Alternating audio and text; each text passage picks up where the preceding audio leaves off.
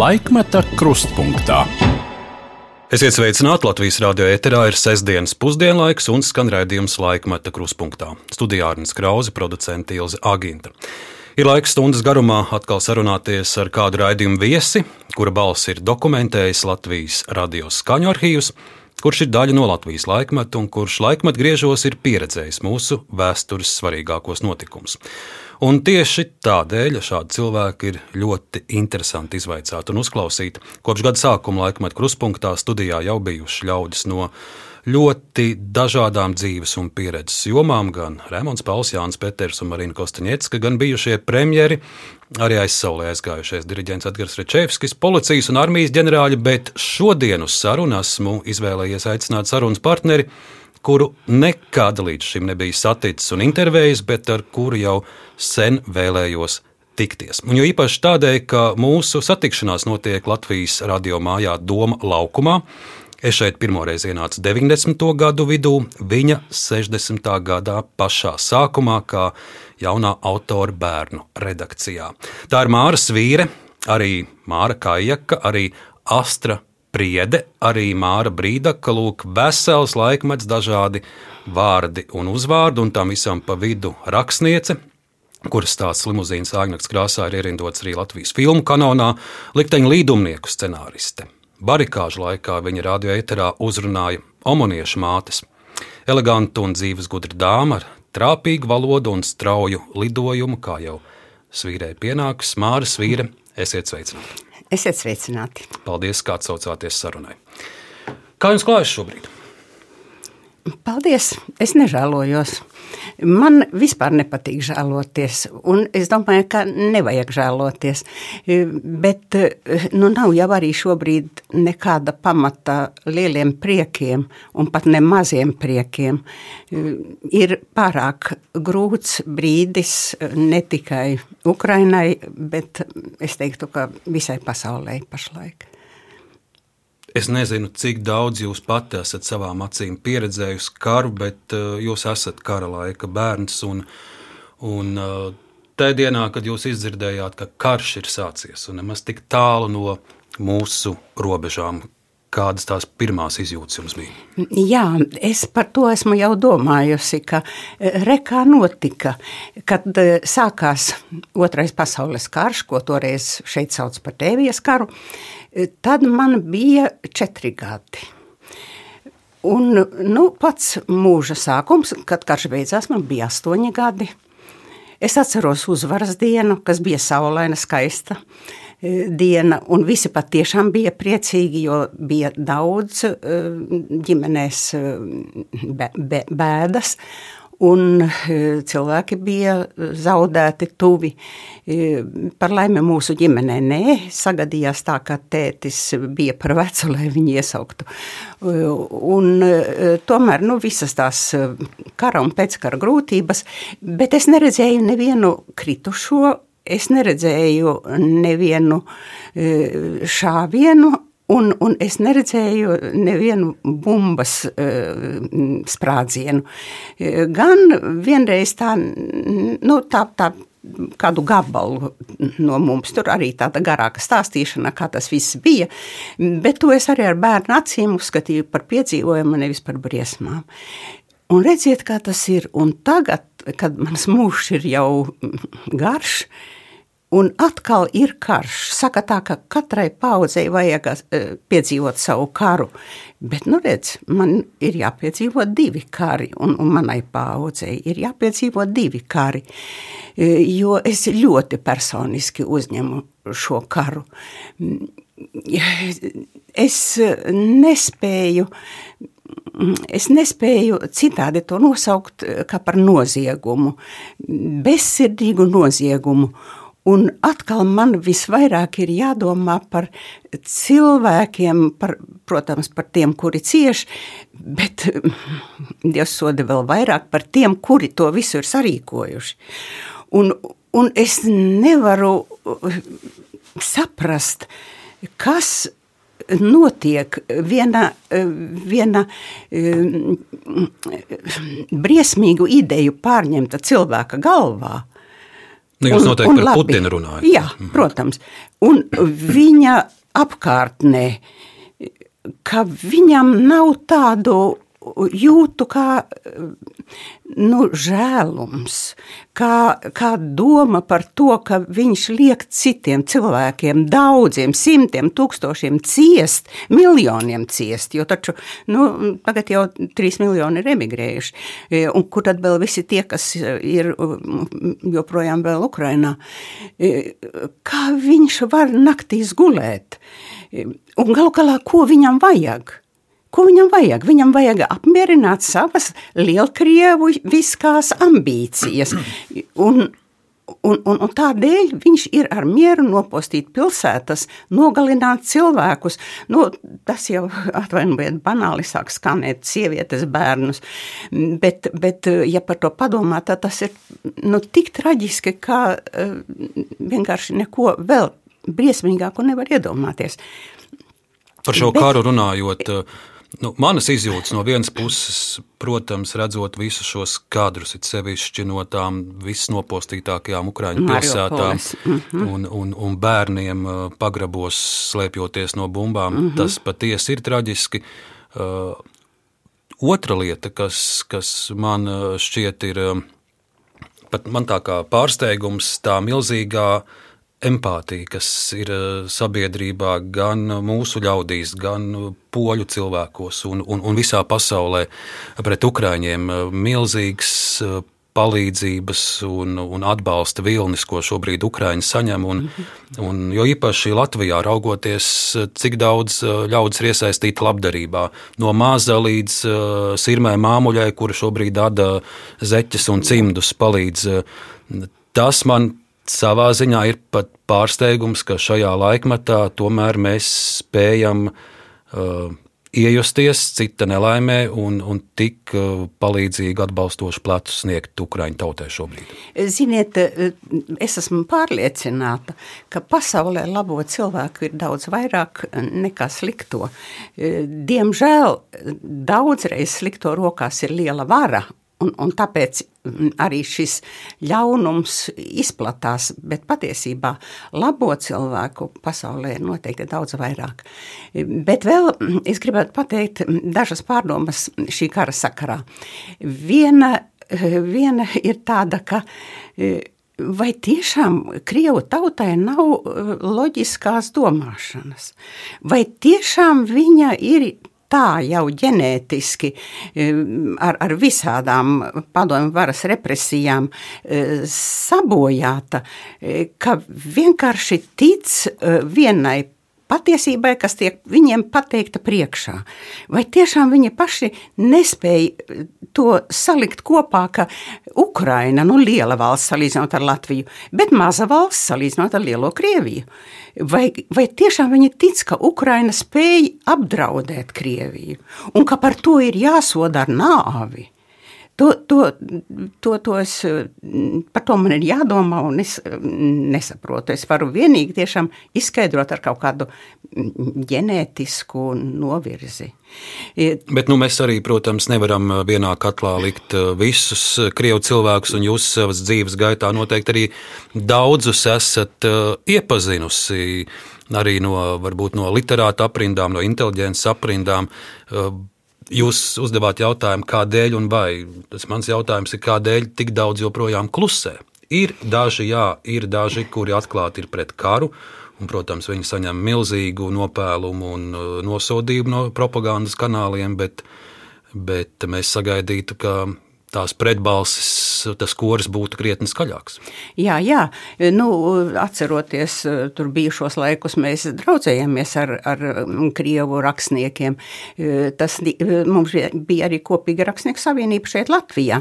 Nebija tā, ka krievu rakstnieku savienība un latviešu rakstnieku savienība bija viena kopīga rakstnieku savienība, un mēs labi satikām.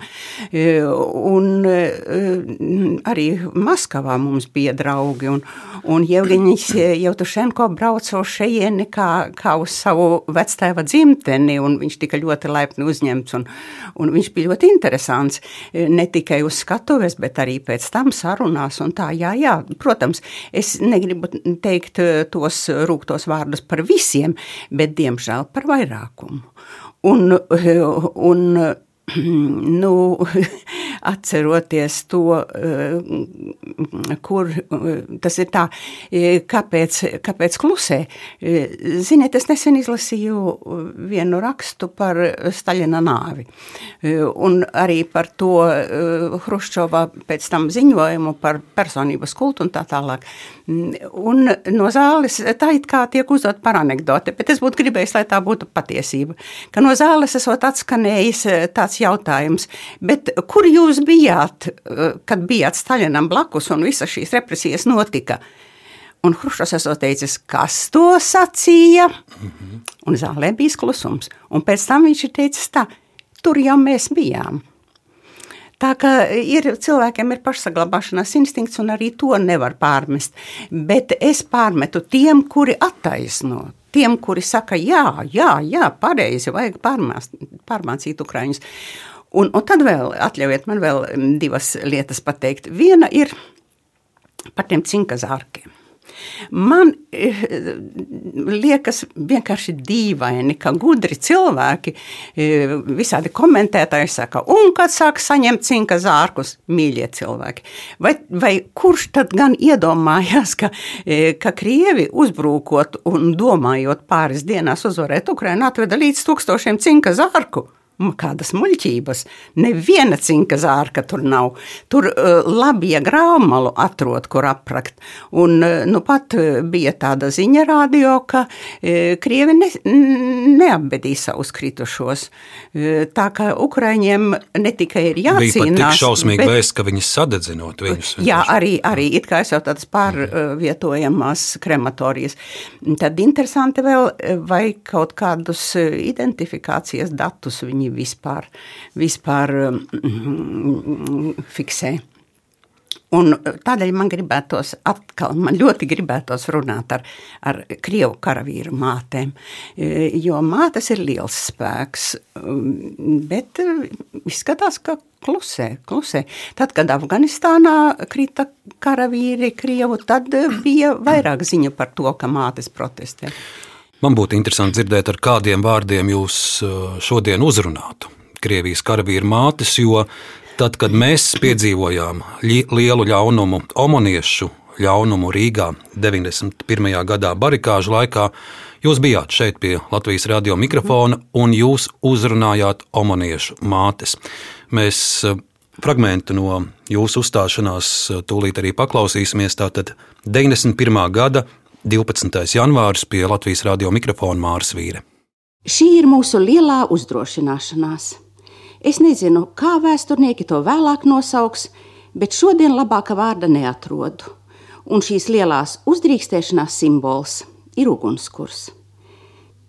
Es gribu runāt ar mātēm, ar Roberta Mūrnieka un Andras Lapiņa māti, un ar tām mātēm, kas zaudēja savus dēlus pagājušo nakti ar māti, kura visu nakti cerēja sagaidīt dēlu mājās, līdz rītā izdzirda, ka par radio stāsta, kā bijis apģērbs kāds nezināms, citiem nezināms, bet viņai tik mīļš dēls.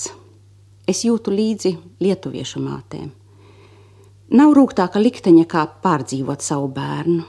Tā ir vislielākā nelaime, ko māte var piedzīvot. Un es nezinu, vai mierinājumu var sniegt gods, ko izpelnījušies jūsu dēli kaut jums pietiktu spēka pārdzīvot zaudējumu. Ziniet, ka mēs, citu dēlu mātes, jūtamies pat it kā vainīgas jūsu priekšā, jo lode, kas trāpīja jūsu dēlu, aiztaupījās citam, varbūt manējam. Cilvēka sirds ir tik briesmīgi viegli apturama, diezgan ar vienu lodi, bet mātes sirdī var pietikt ar ziņu, lai stipras jūsu sirdis, lai iztur lai sirds iztur tām mātēm, kuru dēli ievainoti. Cerēsim un ticēsim, ka būs labi, ka uz viņiem raidītā lode nebūs viņu lode liktenīgā. Un tagad es gribētu runāt ar neliešu mātēm. Man jūsu žēl. Es nezinu, vai jūs esat pelnījušas pārmetumus, ka jūsu dēli izauguši tādi, ka viņiem nekas nav svēts, pat ne cilvēka dzīvība. Un kāds paradoks, šo melno berešu vienība taču tika radīta, lai cīnītos pret organizēto noziedzību, un tagad tā kļuvusi par organizētu noziedznieku bandu. Varbūt, ka jau pašā sākumā tieši tāds bija šīs vienības veidotāju briesmīgais nodoms - radīt robotu vienību, kam viss cilvēcīgais ir svešs. Bet tie puiši taču nav no šausmu filmas izkāpuši, viņi ir no Latvijas, un kaut kur tepat, varbūt mums uz ielas pretim nāk viņu mātes. Vai jums, omonoviešu mātes, nav smagi apzinoties, ka jūsu dēli šauj uz neapbruņotiem cilvēkiem, ka jūsu dēli ir akls ierocis tautas nodevēju rokās, ka viņi nostājušies pret saviem likteņa brāļiem, lai arī tie piederētu citai tautībai un runātu citā valodā. Jūs vēl varat saviem dēliem palīdzēt, sauciet viņus mājās, tos, kuru rokas nav aptraipītas asinīm. Vai jūs domājat, ka viņi neklausīs? Sakiet saviem dēliem, ka jūs negribat kļūt par slepkavas māti, ko tauta nolādētu. Sakiet, ka viņiem nav pretinieku, jo pretī stāv tautas griba, tautas izvēle, tautas uzdrīkstēšanās, un to taču nevar nošaut. Tas ir spēks, kura priekšā būs jākapitulē, agrāk vai vēlāk, un tomēr. Tad jau labāk, kamēr nav vēl par vēlu. Šādi jūsu vārdi teikti pirms 31 gada, 91. gada 12. janvārs, un šo klausoties, eh, man šķiet eh, vārds vārdā to visu varētu atkārtot šoreiz gan ne omoniešu, bet Krievijas karavīru mātēm. Jā, es arī to atcerējos, šo savu runu es atcerējos tagad, ne šajā brīdī, bet šī kara sakarā. Un es arī būtu sacījusi, sauciet savus dēlus mājās. Uh, Neceriet, ka viņi tur kļūs par varoņiem. Viņiem ir jāatsakās no, no nevainīgu cilvēku slepkavošanas. Bet vēl es gribētu piezīmēt, ka es norunāju arī to visu krievu valodā toreiz, jo omonieši jau lielākā daļā bija krievi pēc tautības. Jā, arī gribēju, šis fragments arhīvā ir saglabājies. Jā, jā, jā es gribēju, lai, lai tās mātes saprot. Nezinu, vai viņas dzirdēja, vai viņas nedzirdēja, bet vismaz, lai viņas saprot. Un tagad es arī labprāt runātu krievu valodā, krievu mātēm, e, tie, tām mātēm, kuru dēli tur Ukrainā e, tagad šauj uz, uz nevainīgiem cilvēkiem. Bet vēl es gribētu piezīmēt pie, pie kara, kara. Ziniet, ir ļoti dīvaini, ka tik daudz tiek runāts par to, kā karš, šis karš ir noziegums, kā Puķins ir kara noziedznieks, ka tiek vākti mm, pierādījumi, lai viņu saukt pie atbildības, un arī tos, kas ap viņu un kas piedalās tajā visā. Pat tik tālu, ka katru, katru šāvēju uh, vajadzētu saukt pie atbildības, un ka tas tiks darīts, un ka tas tiks darīts. Un, ziniet, tad, tad nu man jāsaka tā, ak, diez kāds naivums. Tiesāt vajag. Es domāju, ka jau sen ir laiks tiesāt. Nav jāgaida, kamēr karš beigsies. Var sākt tiesāt jau tagad. Diemžēl tiesāšana notiks aizmuguriski, un visi viņi sēdēs, eh, es domāju par Puķinu un viņa apkārtni, visi viņi sēdēs Kremlī savās graznajās telpās. Mm, viņus uz noziedznieku soli, uz um, tiesājamo soli nedabūt, un tāpēc tās runas par to, cik garš ir apsūdzēto solis un cik garš, garam viņam vajadzētu būt, nu, tā ir literatūra. Karš. Karš agri vai vēl beigsies. Jūsu paredzējums, kā tas mainīs lietu kārtību pasaulē, kā tas mainīs Krieviju, kā tas mainīs uh, Latvijas drošību, Es uh, uzskatu, ka Latvija ir drošībā. Varbūt tas ir drusku naivi arī, bet uh, es jūtos droši. Es domāju, ka tik saprāta Puķinam būs, lai nekarot ar NATO. Tas nozīmē karot ar visu Eiropu, tas nozīmē vēl karot ar Ameriku un, un Kanādu piedevām. Nē, to, to viņš nedarīs. Bet Bet mm, tas, kā karš beigsies, ir ārkārtīgi smags jautājums. Tāpēc, ka, ziniet, es, es neprotu spēlēt šahu, bet es zinu, ka šahā ir tāda pata situācija, kad viens nevar uzvarēt un otrs nevar uzvarēt. Un padoties patiesībā arī nav pamata nevienam, ne otram. Un man liekas, ka e, ja jau nav izveidojusies Ukrainā šī pata situācija, tad, tad tā izveidosies. Nebūs īsta uzvarētāja un nebūs īsta zaudētāja. Un trakākais ir tas, ka ka e, Krievu armija šajā situācijā var neaiziet no, no Ukrainas zemes, jo tas izskatīsies pēc padošanās. Pat tad, ja būtu starptautiski kādi dokumenti, ka tā nav padošanās, tā izskatīsies kā padošanās, par kuru Puķinam vajadzēs atskaitīties savai tautai. Un e, tāpēc e, tā situācija ir ārkārtīgi, es teiktu, neizprotama. Un um, nu, skatīsimies, kā tas, kā tas viss būs. Tikai vienīgi vēl eh, kāds, kāds var būt mierinājums. Eh, ja mm, uzvarēs Ukrāņi, un, un to es viņiem novēlu, un es esmu pārliecināta, ka arī pat šajā pata situācijā viņi būs tie, tie kuriem vairāk eh, piederās uzvaras lauri. Ja viņi uzvarēs, tad visa Eiropa un es ceru visa pasaule palīdzēs Ukrainu atjaunot. Kas palīdzēs Puķinam Ukrainu atjaunot, ja gadījumā viņš tomēr uzvarētu? Tad viņam ne tikai paša valsts ar visām sankcijām, kas iet, uz, uz, kas iet grīstē, bet arī vēl Ukrainu, viņa paša sagrauto vēl vajadzēs viņam atjaunot. Es viņam to novēlētu, ja tas nebūtu svešā zemē, ja tas būtu viņa paša zemē. Un vēl viens temats, kurus vēlētos dzirdēt, eh, jūsu pārdomas, tas ir 9. maija, arī ļoti jutīgs eh, datums mūsu sabiedrībā.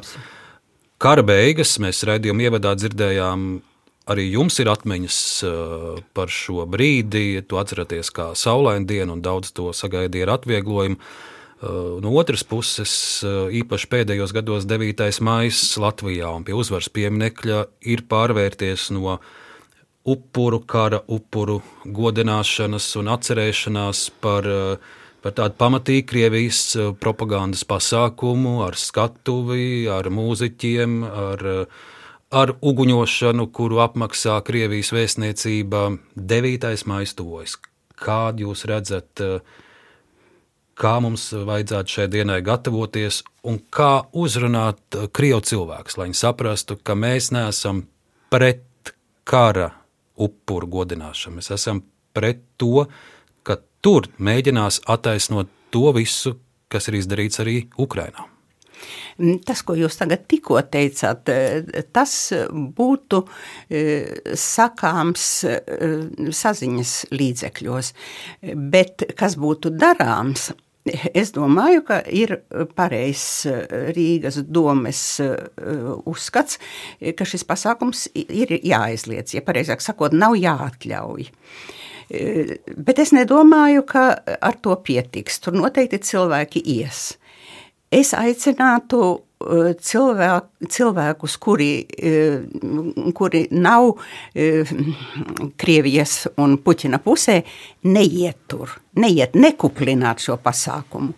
Es aicinātu saziņas līdzekļus eh, ignorēt, nerādīt nekādas reportāžas, neziņot, cik tur tūkstoši ir, vai tur ir pieci cilvēki, vai tur ir 50 tūkstoši. Ignorēt. Un, e, nu, jā, nu, protams, tur, tur cilvēki ies, un, un e, to viņiem var aizliegt, bet viņi to neklausīs.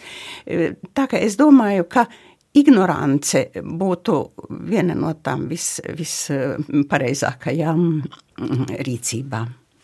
Un vēl šis ir arī saimnes vēlēšana gads. Kā jūs redzat, kā viss notiekošais Ukrainā un tas, cik strauji pasaule burtiski dažu dienu laikā ir pārmainījusies, ietekmēs eh, to, kāda būs arī Latvijas politika, kāds būs nākamais parlaments, jo visi jau sagaidīja, ka tās galvenie strīdi atkal būs ap, covid, ap vakcinēšanos, ap maskām, un tas burtiski viss vienā dienā aizplēnēja prom.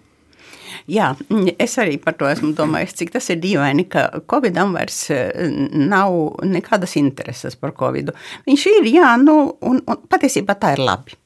Arī, arī to varbūt nevajadzēja pacelt tādos informācijas augstumos, kad vairs nebija panorāmā citu, ko skatīties, kā tikai kā dur plecā. Bet politikā Es domāju, ka nekas liels nemainīsies, jo nav jau uh, kam, uz, uz ko mainīties. Nav nekāda ēnu kabineta, nav nekādas spēcīgas opozīcijas partijas, kura, kura nāktu ar nu, nebijušu ļoti mm, gudru priekšlikumu, kā vajadzētu tālāk Latvijai dzīvot un attīstīties. Un, un patiesībā pašreizējā situācija Eiropā un pasaulē arī eh, nu, nedod rīcības brīvību. Eh, tas ir, eh, ir tas, kas ir jādara. Un, un, un nevis tas, ko var izdomāt. Nu, ko es ar to domāju? Tā tad ir jāpalīdz Ukrainai, ir jāpalīdz Ukrainas bēgļiem, ir pašiem jāpiecieš kaut kas, nu, nezinu, kā veiksies ar, ar mm, enerģētiku, kā, kā būs ar gāzi, kā būs ar naftu, mm, cik mēs esam, cik mēs esam spējīgi e, atteikties, sašaurināties, e, maksāt vairāk, e, vēl jau ir jautājums, vai būs ar ko maksāt, mm, jo ir jau viegli pateikt, labi, mēs maksāsim par to vairāk, bet vai mums ir kabatā tā nauda? Cilvēkiem un valstī, un, un pār, valsts parāds ir jau diezgan liels. Mm, tā ka es domāju, ka nekādas īpašas pārmaiņas nebūs. Būs mm, apmēram tā, kā pagaidām tiek rādīts reitingos. Un vēl īsi es gribētu dzirdēt arī jūsu vērtējumu par mūsu valsts augstākajām amatpersonām gan Covid laikā, gan tagad Ukrainas kara laikā, cik tās prasmīgi ir spējušas eh, strauji pieņemt lēmumus, rīkoties un galvenais arī runāt skaidru un saprotamu valodu. Nu, vislielākais latviešu un, un tajā skaitā vadības un valdības trūkums ir lēnīgums. Tas mani burtiski tracina jau sen un visādus lēmumus Latvijā pieņem ārkārtīgi lēni. Un es teiktu tā, e, labāk pieņemt strauji lēmumu, nu, protams, izvērtējot visu, kā vajadzētu, bet kļūdīties un pēc tam šīs kļūdas labot, nevis gaidīt, gaidīt, vēlreiz pārdomāt, izdomāt, apsvērt, un, un, un, un tad nu, beidzot kaut ko darīt, kad nu, tā kā nekas jau vairs nav panākams. Nu, tāpēc, tāpēc es gribētu, lai, lai Latvijā straujāk viss notiktu Un, uh, tas nekas, ja kādreiz arī nākās kļūdīties. Nu, es negribētu atkārtot visus tos pārmetumus valdībai.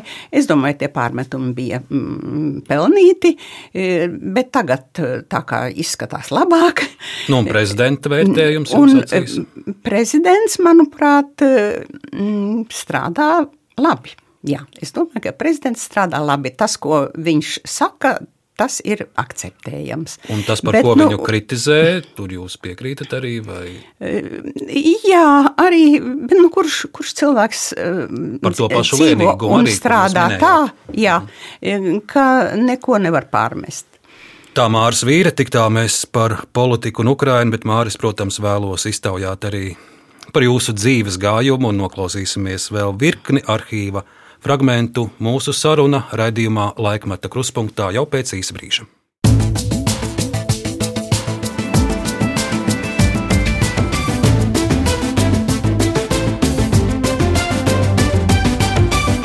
Laikmeta krustpunktā.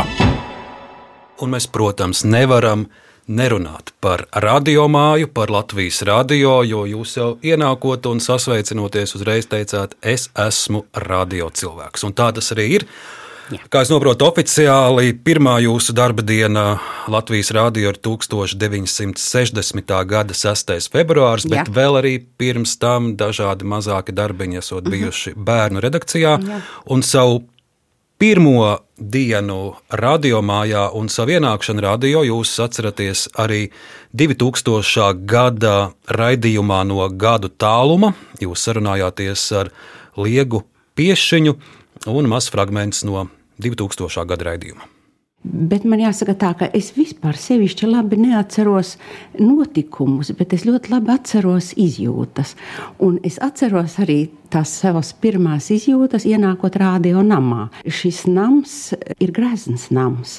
Patiesībā man būtu ļoti žēl, ja kādreiz uzceltu jaunu, modernu radio namu, tur kaut kas zustu. Šis ir skaists nams, tāds senatnīgs nams, lielās kāpnes. Tās jau vien, vienam nabaga jaunam autoram iedzen, man liekas, briesmīgu bijību. Un eh, jāsaka, ka to bijību pret radio, pret vārdu, kas izskan, aizskrien pasaulē kā zvirbulis un nav atsaucams, es esmu saglabājis līdz šai dienai. Un mīlestība arī. Līdz pat šai dienai. To es varu apliecināt vēlreiz. Jā, tā ir. Es klausos eh, radio daudz vairāk nekā skatos televīziju. eh, Un eh, pirmais, ko es daru, mm, pamodusies, ir ieslēgt radio. Mm, Kas noticis, es gribu zināt. Un, un ziniet, es uzticos radio, jā. Es uzticos. Nu, tā jau bieži ir tādi jautājumi, kādiem jūs saziņas līdzekļiem uzticaties. Un, un, un, un ir atkal citi cilvēki, kas saka, ka visi jau tikai visur melo. Nē, es, es uzticos radio darbiniekiem un uzticos radio. Kādi bija jūsu pirmie darbi vai darbiņi sākot gaitas šeit? Nu, bija tā, ka eh, es eh, taisīju raidījumus bērnu redakcijā. No sākuma tie bija par kādu tematu raidījumi, arī pirms eh, tam, kad es nu, kļuvu par štata darbinieci. Un pēc tam, pēc tam man bija mm, jāgatavo pionieru radioavīze. Pionieru radioavīze bija tāds informatīvs raidījums par pionieru labajiem darbiem. E, Nu jā, bērnu e, redakcijā mm, arī gatavoja raidījumus, literāros raidījumus, un tomēr man jāsaka, tajos laikos, tātad tas bija 60. gads, bija daudz vairāk literāro raidījumu bērniem nekā tagad.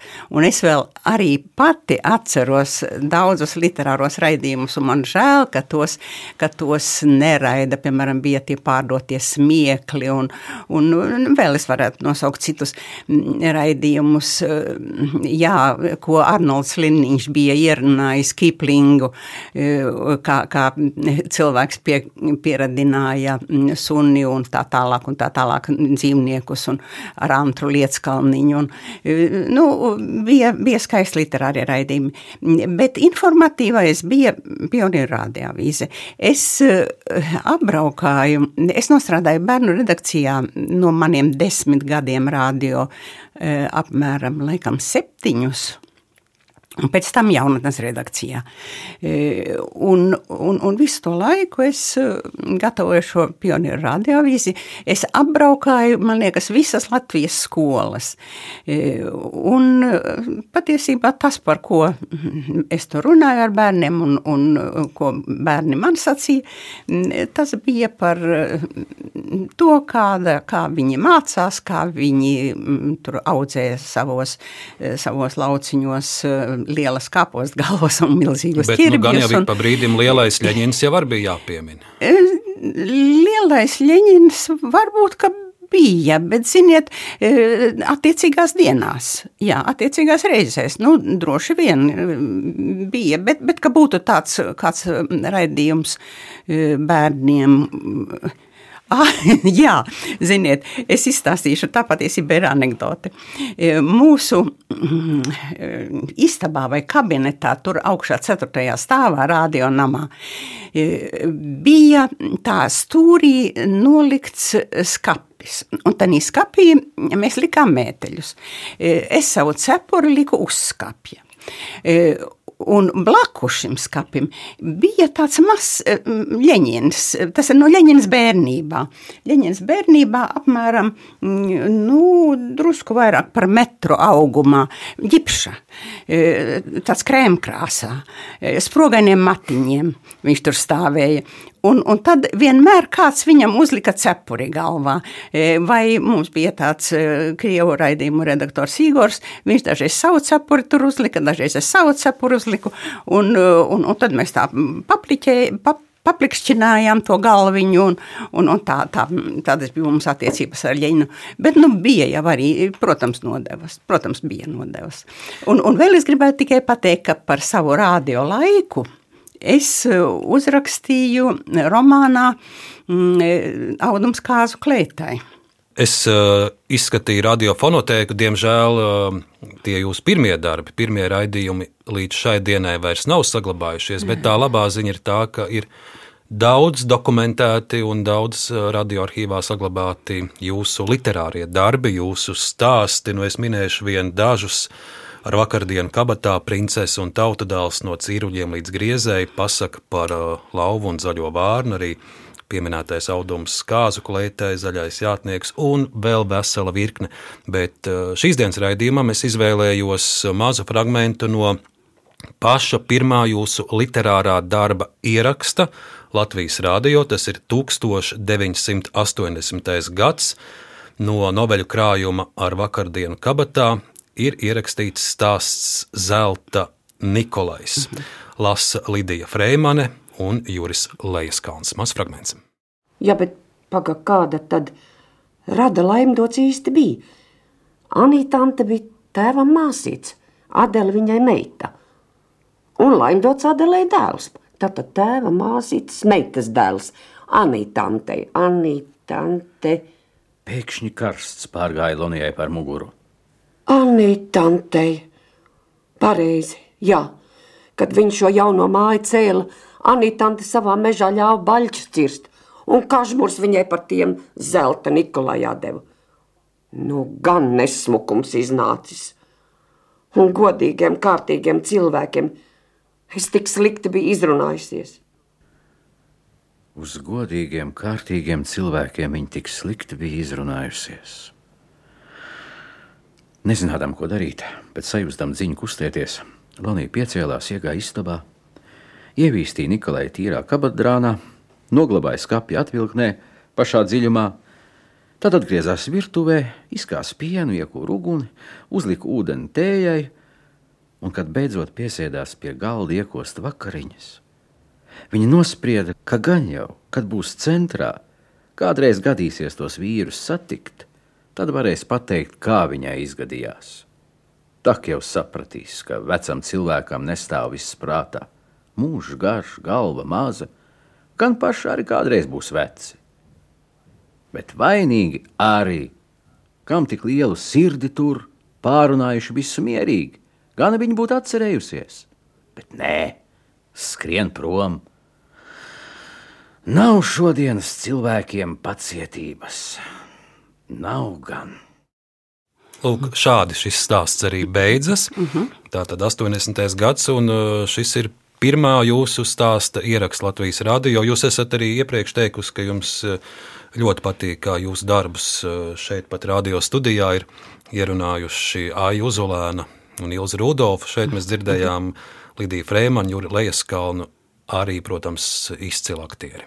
Un vai es drīkstētu piemet, piemetināt, ka e, 1990. gada 4. maijā Edgars Liepiņš lasīja manu e, stāstu māja, bet patiesībā tas tā kā nav īsti stāsts, tas ir tāda kā pasaka, tāda alūzija e, par, par kādu brūkošu māju, e, kas patiesībā, ja tā labi padomā, ir padomju savienība.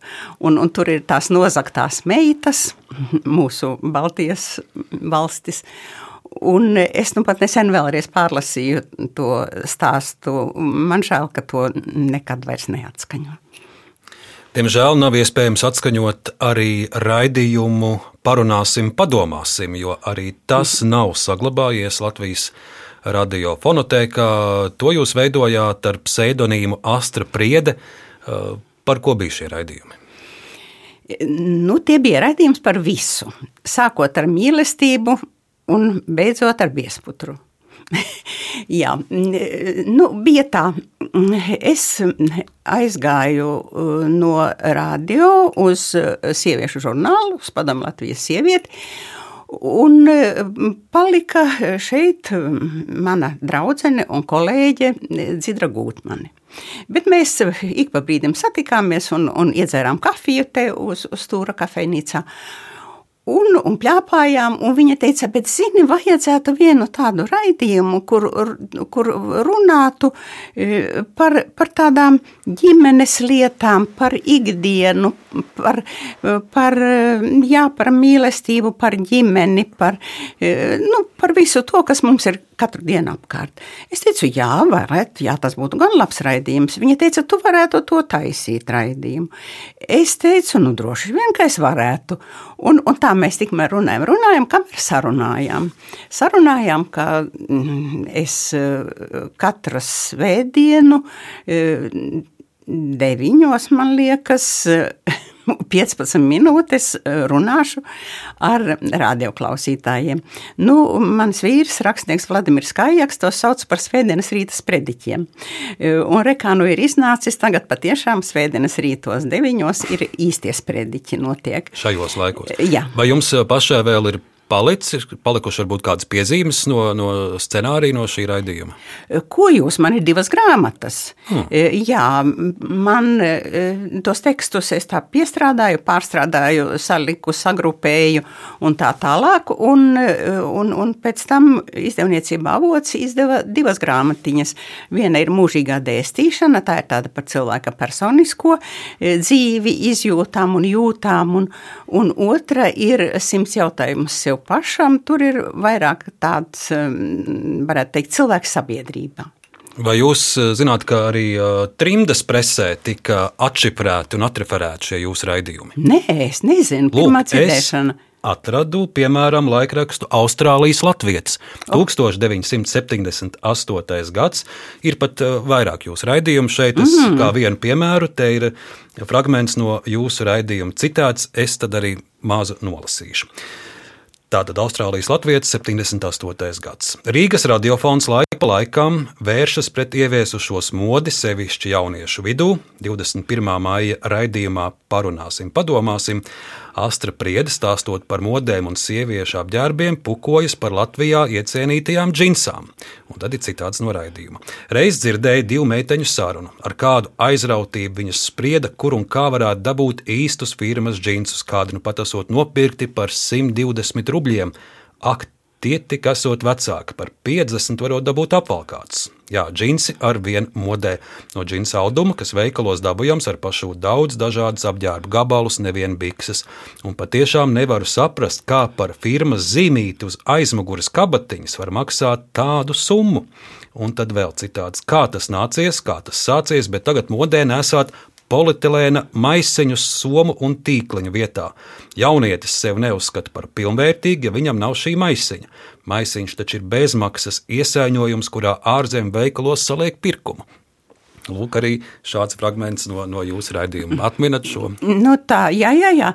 Nu, tāda bija dzīve tāda bija dzīve, jo tas viss, kas eh, ārzemēs jau sen bija, eh, tas pie mums atnāca eh, ar krietnu nokavēšanos. Un es vēl varu pateikt, es atceros toreiz, varbūt arī tādā raidījumā es to teicu, ka tos maisiņus tie, kas bija laimīgi ieguvuši ārzemēs, dažreiz šeit pārdeva par pieciem rubļiem gabalā. Tagad ir cita mode. Tagad modē ir uh, papīra maisiņu, naudu maisiņu. Kā tās modes mainās laika griežos. Pamazām, jā, pamazām, jā. Lai gan man jāsaka, ka papīra maisiņi un, un, un auduma maisiņi aizņem pārāk daudz vietas sievietes rokas somā. E, turpretim šis plastikāta maisiņš, ja viņu tā sarulē vēl no saloka, tad aizņem maz vietas. Un es tiešām cenšos nevis katru reizi ņemt maisiņu, lai, lai arī nepiesārņotu pasauli pasauli, bet izmantot vairākas reizes vienu un to pašu. Es kādā intervijā lasīju, ka jūsu dzīves biedrs Vladimirs Kājaks teica, ka viņš ir bijis diezgan atvieglots un priecīgs, kad ir beidzies šis astras priedes posms, jo tur viņa prāt jūs esat bijusi pārāk pamācoša, un viņš bija laimīgs, ka bija sācies Māras svīras radošais posms. Latvijas radiofonotēka glabā raidījumu, kurā ir dokumentēts arī jūsu dzīves biedrs, jūsu abu saruna 1985. gads. Raidījums sevi apslēpto pasauli atklājot, un tā autore Genoveva Bērsone. Fragments. Rakstnieku Māras Svīras un Vladimira Kājaka mājās grūti bija uzdot jautājumus par darbu, bet, kā raidījuma gaitā jutīsiet, es ļoti centos. Grūti tāpēc, ka viņu sabiedrībā neviļus pārņem humora sajūta, smaidīt vien gribējās. Vispār ar viņu ir interesanti. Piemēram, viņš pietrūkstās kājās, un uh, sāk aiz labs jūtas kasīties un saka, Vo, nu ir labi, tagad viņš man ir rokā, tagad man viņš ir rokā. Tas bija toreiz, kad viņš rakstīja pirti. Kā tu teici? Tu teici, nu tagad viņš man ir pirtī iekšā un laukā viņš vairs netiks. Nu, tā bija taisnība, pirts bija noslēgts. Viņš nevarēja tikt ārā. Jā, un, un tad viņš teica, bet rakstnieks ir visvarens. Rakstnieks var visu ko. Es varu viņu, es varu viņu Kas ir? es, es tikai teicu, devīgi sacīt tieši tā, kā es toreiz teicu. Nē, tu nekā slikta neteici. Bet, bet tu biji milzīgā sajūsmā par eh, rakstnieka visvarenību, ka tu vari cilvēku nogalināt, un tu vari viņu izglābt, un tu viņu vari izsviest pa logu, un viņu tu vari sodīt, un tu vari viņu apžēlot. Tas bija ārkārtīgi interesanti uz tevi paskatīties šajā brīdī, kad tu eh, biji tik priecīgs. Jā, tikko dzirdētais jau ir no sarunas bet es vēl nepaskaidroju, kāpēc smaidīt vien gribējās. Laikam jau tāpēc, ka pirmo reizi izjūtu, ka intervējamie palīdz jaunam žurnālistam, un proti, paši nepieļauj atbildēšanu pusvārdos un iestarpina pa zondējošam papildu jautājumam. Jūs sapratāt, ka tā pārmaiņas man palīdzēja gan Māras vīre, gan Vladimirs Kājaks. Paldies viņiem! Bet nu, sarunas mokošais ievads, kad vēl nezināju, ka intervējamie man palīdzēs un pati saruna. Mēs esam sarunai jūsu ģimenei izvēlējušies tādu diezgan skaļu un arī provocējošu nosaukumu, sevi apslēpto pasauli atklājot. Bet šodien, pirms nācu pie jums, es izlasīju Kaudzītas Rēņa šādu teicienu: Maz ir to, kas spēj patiesību par citiem sacīt, bet gan neviena, kas par sevi visu patiesību sacīt. Tad es došu šādu iespēju, ņemot vērā kaudzītas rēņa domu, Mārai Svīrei runāt par Vladimiru Kajaku viņa darbistabā, un pēc tam Vladimiram Kajakam par Māru Svīri. Otra cilvēka tuvums istabā. Nu, otra tāda strādājoša cilvēka tuvums istabā mani ļoti mudina arī strādāt, un, un tas disciplinē kad otrs sēž pie blakus galda un, un es redzu, ka brīžā viņš domā, brīžā viņš kaut ko raksta, tad mm, man liekas, ka patiešām man arī ir jāstrādā. Savukārt, kā Latvijas Kājaks uztver Māras vīru darbistabā?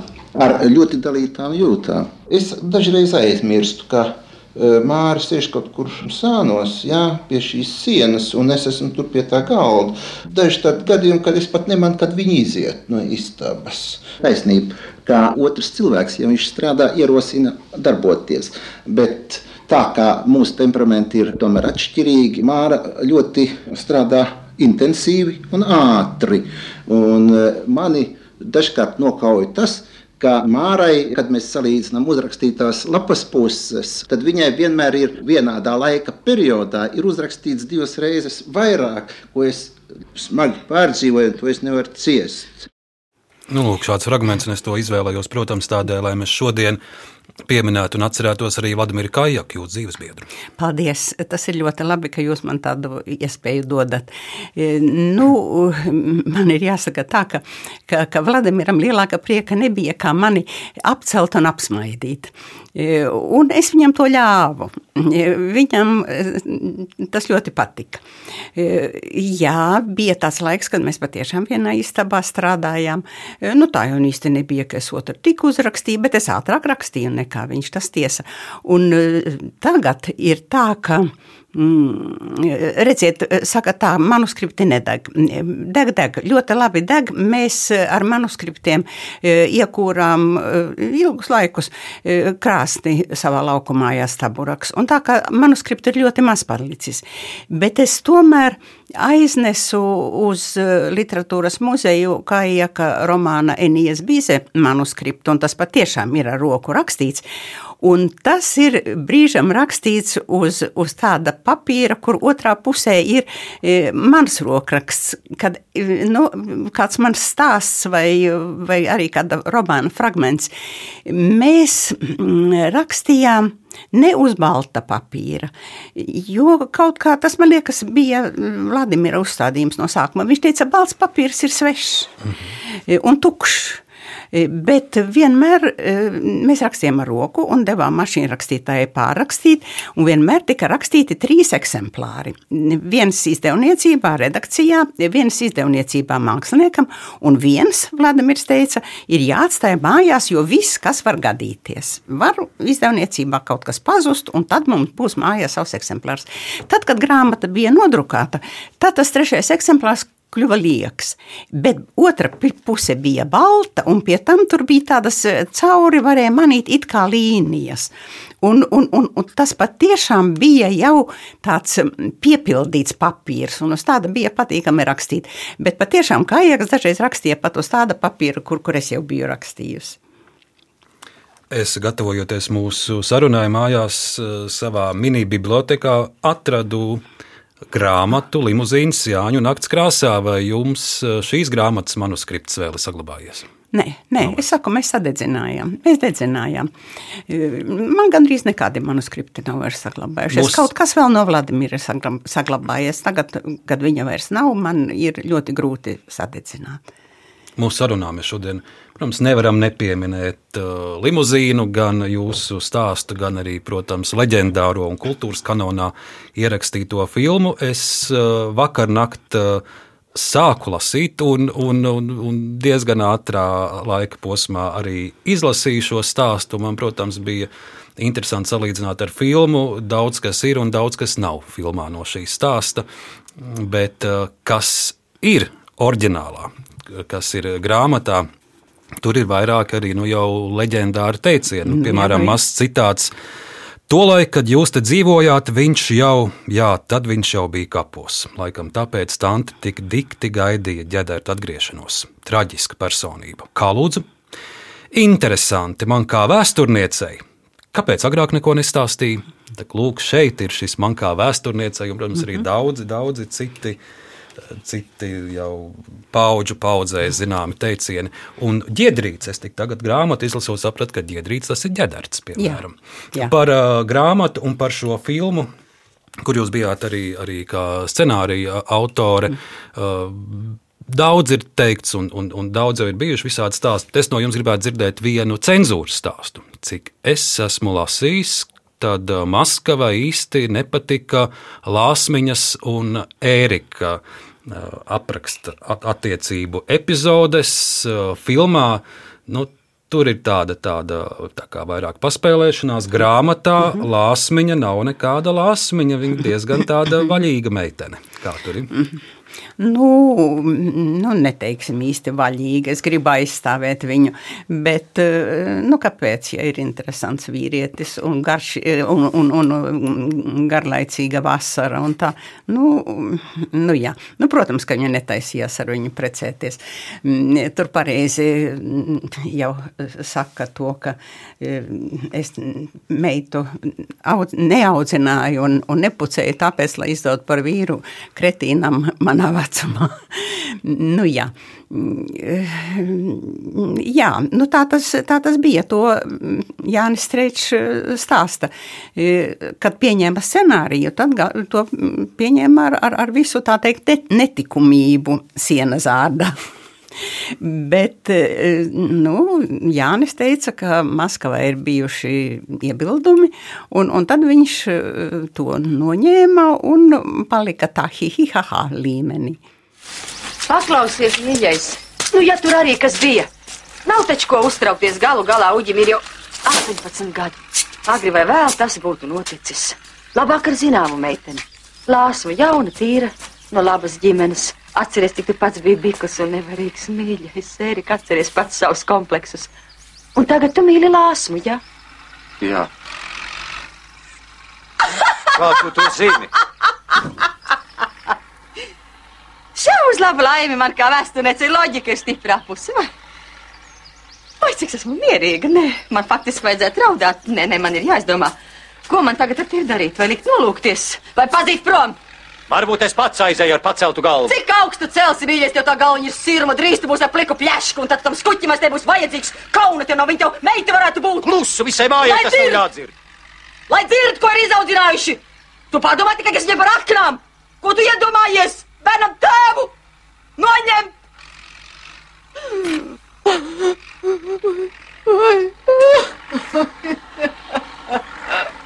Agnī, parunāsimies kā pieauguši cilvēki. Vai tu esi tēva vārdu cienīgs? Mūs taču garīgi nekas sen vairs nesaista. Ne tu interesējies par hokeju, ne par rokas bumbu. Izbeidz!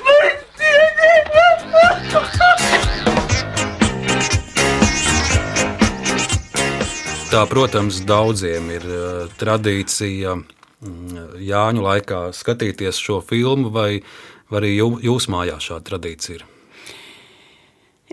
Nu, nē, tomēr, nu, cik var skatīties? Cik var Cik reizes jūs skatīties? esat redzējis filmu? Es nezinu, nu, varbūt kādas četras, Tikai, bet ne vairāk. tikai. Jā, jā, ne vairāk, ne vairāk. Eh, Jā.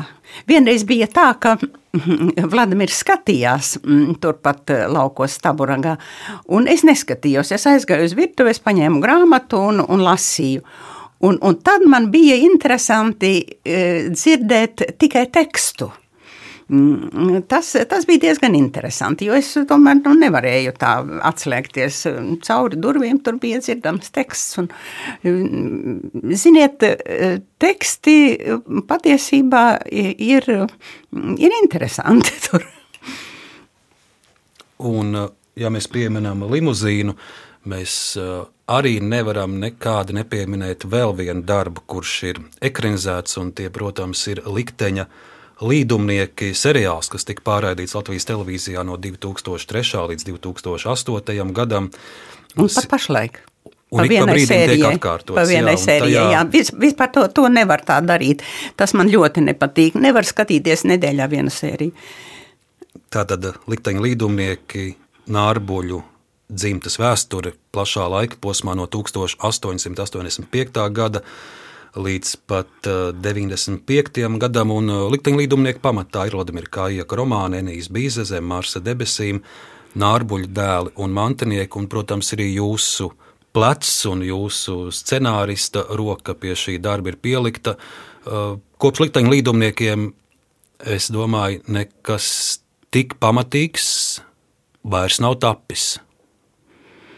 Nu, es nemēģināšu to tā izsvērt, bet nu, viss eh, galvenais ir, protams, Kājaka. Viņš eh, uzrakstīja šo tetraloģiju ļoti godīgi. Viņš nesēdēja nekādos, eh, nekādās bibliotekās un, un nekādos arhīvos. Viņa arhīvs bija viņa atmiņa, eh, jo viņa vecāki to bija piedzīvojuši, un viņš arī bija 30. gadā dzimis, eh, un jau daudz ko atcerējās pat no mm, brīvvalsts laika, un no pirmajiem, pirmā Krievu gada, kā to sacīja, no, no Vācu laika un no nākamajiem Krievu laikiem. Viņš to visu atcerējās, bet Kājekam bija tāda, mm, nu tas ir viņa stils. Viņš raksta mazliet smagnēji eh, un eh, ar ļoti maz dialogiem. Bet eh, seriālā vajadzēja dialogus, jo ir lietas, ko, ko var tekstā uzrakstīt. Viņai tas nepatika, bet kā to parādīsi? Nu, vienīgi, ka saviebjās, bet eh, tā varbūt nav tik eh, niecīga lieta, tikai saviepšanās eh, līmenī parādām. Tātad tā, tā nepatikšana ir jāizrunā. Un tāpēc man vajadzēja rakstīt dialogus. Un, un tā kā tie visi dialogi, visi teksti, tie ir mani. Bet, protams, ka viss uzstādījums un tēlu sistēma un, un tēlu raksturi un e, notikumi e, ne tikai šīs dzimtas dzīvē, bet vispār varētu teikt latviešu tautas dzīvē, tie ir no Vladimira romāniem. Un tā ir daudzi cilvēki sacījuši, ka tas ir mūsu dzimtenes, e, tas, tas ir mūsu dzimtas romāns, liktenis. Jā. Tas ir mūsu tautas. Jā, un liktenis. tas ir mūsu tautas liktenis. Jā. Māris, gatavojoties mūsu sarunai, vakar piezvanīja arī komponistam Raimondam Tigulam, kurš ir likteņlīdumnieku mūzikas un arī tituldziesmas autors. Viņš mums atsūtīja uh, muzikālu sveicienu jums, uh, četri vēji, īpaši šim mūsu šīs dienas raidījumam. Uh, pārveidot, izveidot dziesmu, kur pats Raimons ir iedziedājis, un ar oh. to es šodien arī noslēgšu mūsu raidījumu. Māra, liels paldies par jūsu pārdomām! Par jūsu atmiņām, par jūsu veikumu. Man patiesi bija interesanti šīs stundas garumā jūsos klausīties. Žēl, ka tikai stunda es būtu gatavs arī otru tam veltīt. Paldies, paldies jums un paldies Raimondam Tigulam. Man ārkārtīgi patika mm, tie četri vēji. Katras es to zināju, tāpēc beigās. es viņam piezvanīju. Jā, noteikti, katras sērijas beigās. Un, un, un tas ir liktenis. Arī tie vēji taču ir liktenis. Tad nu arī mūsu raidījuma izskaņā skan četri vēji Rēmons Tiguls. Raidījuma producente Ilza Ginta, autors Ārnis Krausas par skaņu rūpējās Reinis Budze. Paldies un turpiniet klausīties Latvijas radio. Četri vēji iet pa lauku, četri vēji manī mīt, cits ar citu sāterēja cits par citu. Pasmaidī vēja slotā, mūžu slauka, nevar vēju saslaucīt. Vēja slotā, mūžu slauka nevar vēju saslaucīt.